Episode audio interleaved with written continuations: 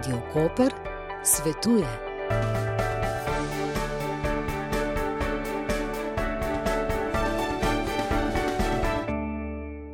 Gospa Anja Gams, lepo pozdravljeni. Pozdravljeni tudi z moje strani.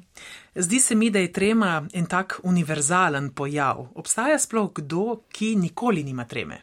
Hm, se mi zdi, da bi si skoraj želela reči, ja, ma mislim, da čisto uh, po strokovni plati ne morem. Uh, trema je univerzalen pojav, ki ga vsak doživi vsaj enkrat v življenju, no? vsaj v nekem obdobju uh, se vendarle pojavi. Kot tremo beleži slovar in kar smo povedali že v vodoma, v slovarju slovenskega knjižnega jezika je trema opredeljena kot neprijetna živčna napetost, vznemirjenje zlasti pred javnim nastopanjem.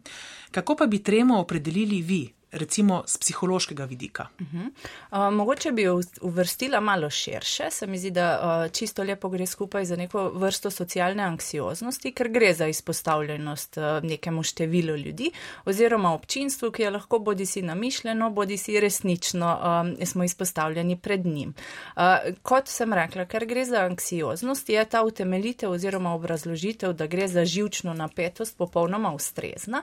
Gre torej za neko čustveno stanje, ki ga spremljamo spremljajo tudi odzivi na ravni telesa, na ravni vedenja in neki uh, miselni procesi, ki nam malo ponagajajo v tem smislu. Je kakšna razlika, če govorimo o tremi pri otrocih in o tremi pri odraslih? Mislim, da glede na tak, fiziološko oziroma telesno uh, odzivanje nikakor, uh, naše telo se odzove na popolnoma enak način, seveda spet obstajajo neke minimalne razlike ali pa tudi razlike v tem, kako posameznik to sam pri sebi občuti. Uh, situacijske razlike pa absolutno obstajajo. Otroci so izpostavljeni, ne vem, večjim ustnim spraševanjem, ocenjevanjem, čemu odrasli nismo. Medtem ko otrok ne doživi nekega razgovora za službo, kjer pa smo mi uh, nekako bolj izpostavljeni izpostavljeni in te razlike obstajajo. Na kakšne načine vse se kaže trema? Nekoliko eh, sva že nakazali. Um, pri nekaterih je to bolj izrazito na psihični ravni, recimo govorimo o blokadi, eh, občutku izgube spomina, naučenega, recimo, ne, kar smo se naučili. Eh, pri drugih se opazi tudi fizično, recimo tresenje čeljusti, potne in hladne roke. Navedla sem tiste najbolj splošne in tiste, ki jih skoraj vsi občutimo. Ne. Kako vse se kaže trema? Uh, trema se vedno izrazi skozi več različnih odzivov. Kot ste sami omenili, je nekako prvoten oziroma tisti, ki ga najbolj zaznamo, naš telesni odziv. To pomeni povišeno utrip srca, pospešeno dihanje, potenje, rdečica se pojavi ali pa to, da nas preprosto začne oblivati. K temu sledi neke vrste vedenje, ko se takim telesnim odzivom želimo izogniti. Zato začnemo umikati pogled, pa gledamo v stran, pa zapremo držo telesa in se dobesedno želimo umakniti iz te situacije. Obe vsem tem odzivom predhodijo naše misli, na katere smo najmanj pozorni. Uh, misli, ki zajemajo neke um, samovrednotenje v smislu, tega ne bom zmogel, kaj če me gledajo, kaj če bodo videli, da sem živčna oziroma živčen. In ko vzamemo tole celoto, se pojavi čustvo tesnoba, ki nekako zaokroži v sta del. Gre vse le za to, da se pojavi, ko oziroma če se posameznik na kakšno situacijo ni dovolj dobro pripravil in um, rekla bi, da tudi morda ni vedno povezano z javnim nastopanjem. Uh -huh. ne? ne, v bistvu ni povezano samo z javnim nastopanjem, uh, gre pa zmeraj za to, da posameznik ocenjuje, da so njegove sposobnosti manjše od tega izziva, ki je pred njim. Torej, da ni. Uh, Tudi če je dejansko dovolj dobro pripravljen, sam ocenjuje, da ni. Uh, ta sama ocena je tista, ki nas najpogosteje sproži. In kot sem rekla prej, lahko gre čisto za neko namišljeno občinstvo. Uh, ni nujno, da je dejanska javna situacija. Torej, dejansko bi vzroke za tremo, takšno ali drugačno, lahko iskali zelo globoko in zelo bi lahko šli v preteklost nekega posameznika. Definitivno, ne? definitivno. Zakaj pa se trema pojavlja tudi takrat, ko neko situacijo, v kateri smo dobro poznamo, smo jo že izkusili in se na njo tudi recimo dobro pripravili. Nekoliko ste že nakazali, ne? gre za tudi ta notranji ustroj. Um, ampak najpogosteje recimo slišimo, da ločimo na koristno tremo in tako imenovano škodljivo tremo. Jaz bi se tukaj ustavila. Se mi zdi, da um, mogoče smo si samo mi želeli tako razdeliti to koristno škodljivo, kjer moramo vendarle pogledati malo iz drugačne luči. Trema je v prvi vrsti uh, eno izmed čustev, ki nas pripravlja na situacijo.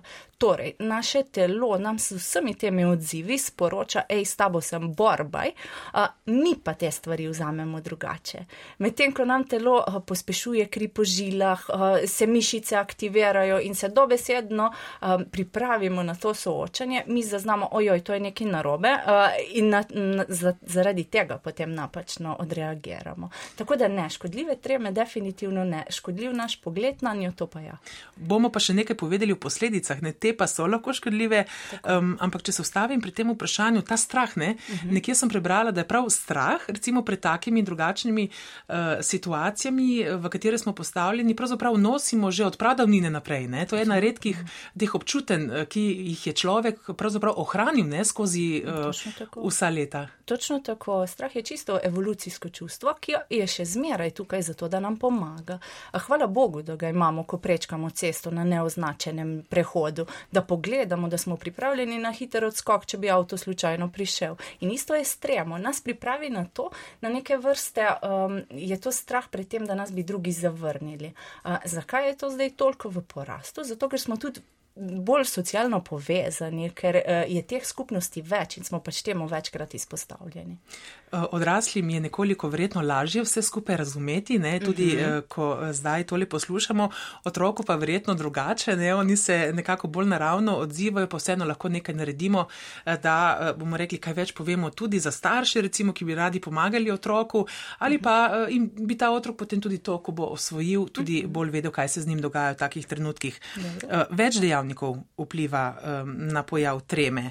Uh, tudi recimo pričakovanja svoja in od drugih, kar ste že tudi omenili, -hmm. morda ustroj posameznika, verjetno tudi ljudje, ki so v trenutku nekega našega javnega nastopa v šoli, recimo to deklamiranje, spraševanje pred tablo, eh, torej z nami v odnosu. To so lahko učitelji, sošolci, poslušalci v dvorani, morda v pisarni.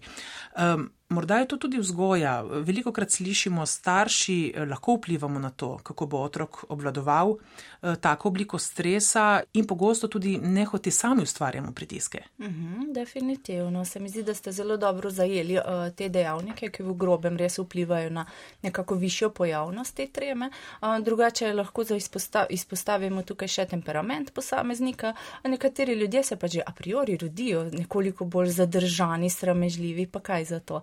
Eh, in so mogoče pa temu uh, malo bolj izpostavljeni, ko pride do ve večjih situacij, um, kjer, kjer morajo ta nek eh, nastop opraviti.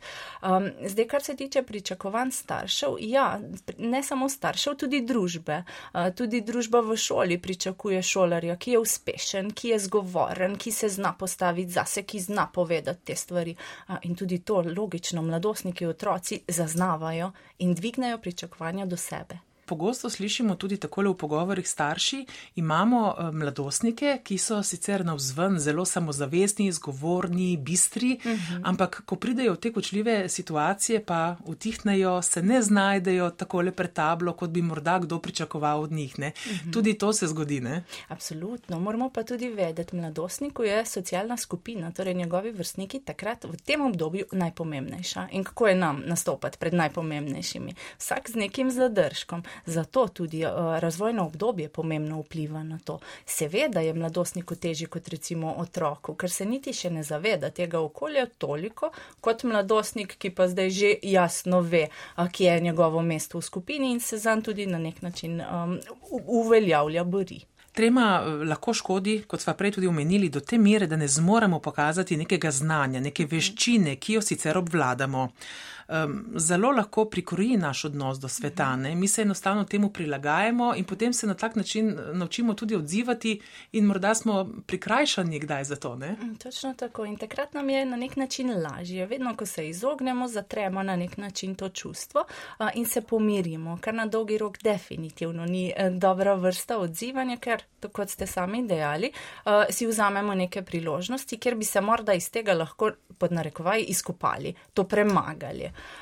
K sreči obstajajo tehnike, s katerimi si pomagamo tremo obvladati, torej lahko sebi, lahko seveda tudi otroku.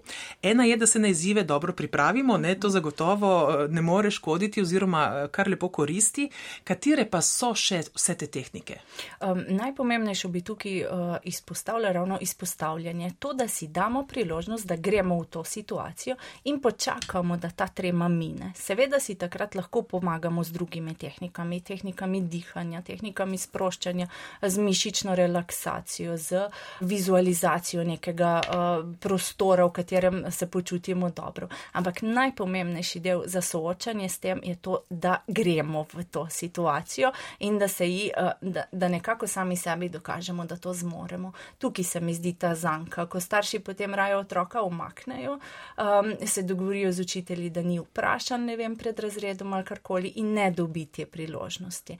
Ne govorim, da je to vedno pravi način in da takoj otroka potisnemo v to. Ne, postopoma, ampak hkrati pa stremimo k temu, da bi bilo teh priložnosti čim več. Tako je tudi recimo z nastopi, ne, mhm. različnimi, ne na zadnje tudi športnimi, glasbenimi Tako. in drugimi. Večkrat, ko so se oočeni oziroma se znajdejo v tej situaciji, kot rečemo po domače, si naredijo debelo kožo. Točno tako in dobijo potrditev, hej, zmorem. Tudi če se pojavi trema, lahko grem čez to in to je tisto, kar jim želimo dati in kar želimo, da se sami naučijo. In verjetno lahko eh, tudi se iz določene situacije naučijo eh, tudi za druge situacije. Naprimer, eh, tukaj mislim, ne vem, večkrat kot so vprašani ali pa recimo večkrat kot nastopajo, -huh. se nekako znajo umiriti, znajo iti skozi to situacijo in tem soočenjem, recimo s publiko.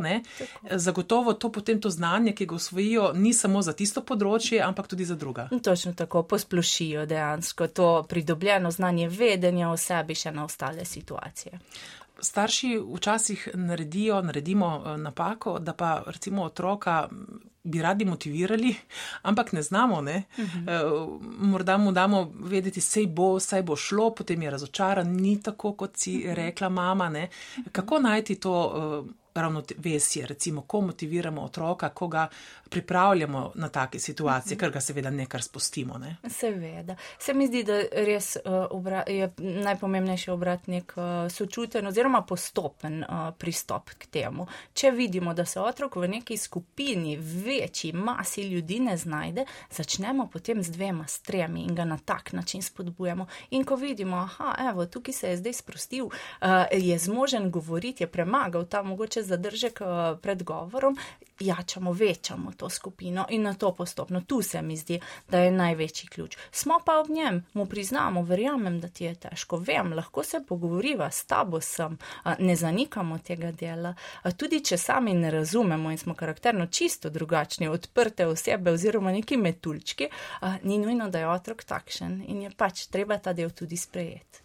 In ta del je najtežji, ne za starše, Absolutno. ker projiciramo neke svoje videnja za svojega otroka, dejansko gre pa za to, da ga moramo sprijeti in mu slediti. Ne? Točno tako. In ta del je za te, najtežji za nas otrok ne ve, da smo mi uh, karakterno pa čisto drugi. Uh, njemu ni tak problem, mi imamo tukaj največ dela sami sabo. Kaj pa učitelji, recimo, kakšen nasvet morda za učitelje, če vidijo, da ima otrok izrazito tremo um, in je res uh, se znajde v, tem, v tej črni luknji, kot rečemo, ne v tej blokadi, um, mu lahko pridejo nekako naproti? Seveda, spet z uh, tem, da vidijo, da že zaznajo ta del, da vidijo, da mu je težko in to tudi v besedijo. Ej, vidim, da ti je zdaj težko govoriti pred celim razredom, se boš malo usedel, sem tukaj s tabo. Um, bova poskusila, ne vem, čez pet minut.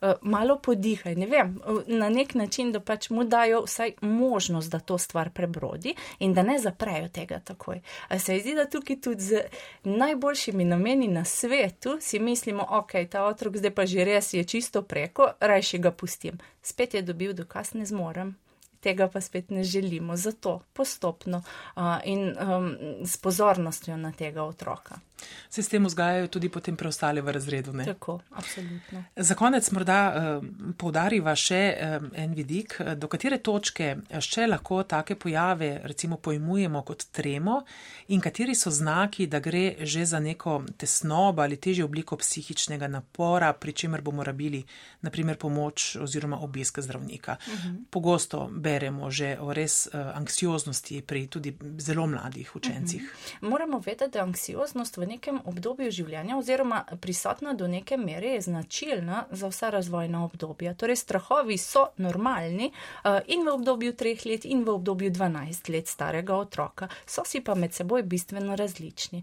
Torej, naša skrb se lahko pojavi takrat, ko vidimo, da se nek strah, neka tesnoba vleče že iz nekega obdobja, ker mislimo, da to bi pa zdaj že moglo iti preko.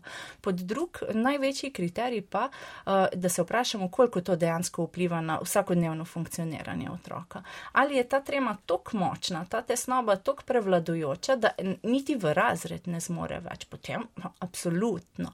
Če pa gre za nek strah pred ocenjevanjem, ki mislim, da ga 99% mladostnikov pred vsakim testom vsaj v te stopni druge, oziroma v neki majhni intenzivnosti doživi, potem pa uh, je to zagotovo nekaj prehodnega in je spet priložnost za njega, da se nauči to nekako obvladovati. Se v centru, v vašem centru, srečujete tudi s takimi primeri? Eh, seveda, anksioznost je nekako najbolj eh, pogosto nas otroci obiščajo zaradi tega, oziroma otroci v kombinaciji s starši. In mogoče bi izpostavila tukaj, da uh, takrat pogosto zdelamo starši. Starši so tisti, ki nekako lahko tudi ustvarjajo to anksioznost, bolj uh, zaščitniško okolje. Um, Ki pa v svetu realno ni čisto tako, in ko je otrok s tem soočen, se lahko neka stopnja anksioznosti tudi pojavi. Torej, na eni strani seveda to zaščitništvo, na drugi pa morda res pritiski, pričakovanja. Tako. Bila sem odlična, vse sem imela pet, eh, tudi ti. Ne, tako, tako.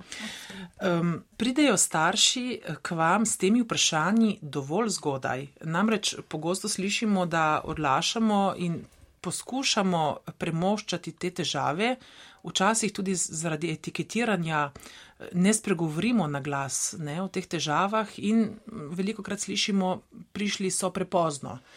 Kaj opažate? Bi rekla, da če se ne trend že čisto obrača, se pa vsaj malo omiluje. Starši pridejo prej, so tudi bolj pozorni na to. Zakaj? Zato, ker je tudi okolje bolj ozaveščeno in ker tudi učitelji prej opozorijo in starši hkrati prej vidijo, ok, nekaj ni čisto povsem tako, kot bi si želeli. Tako da ne, prihajajo se mi zdi, da kar v večini primerov že dovolj zgodaj.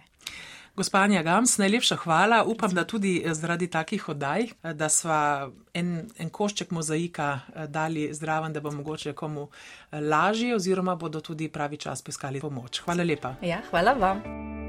Radio Koper svetuje.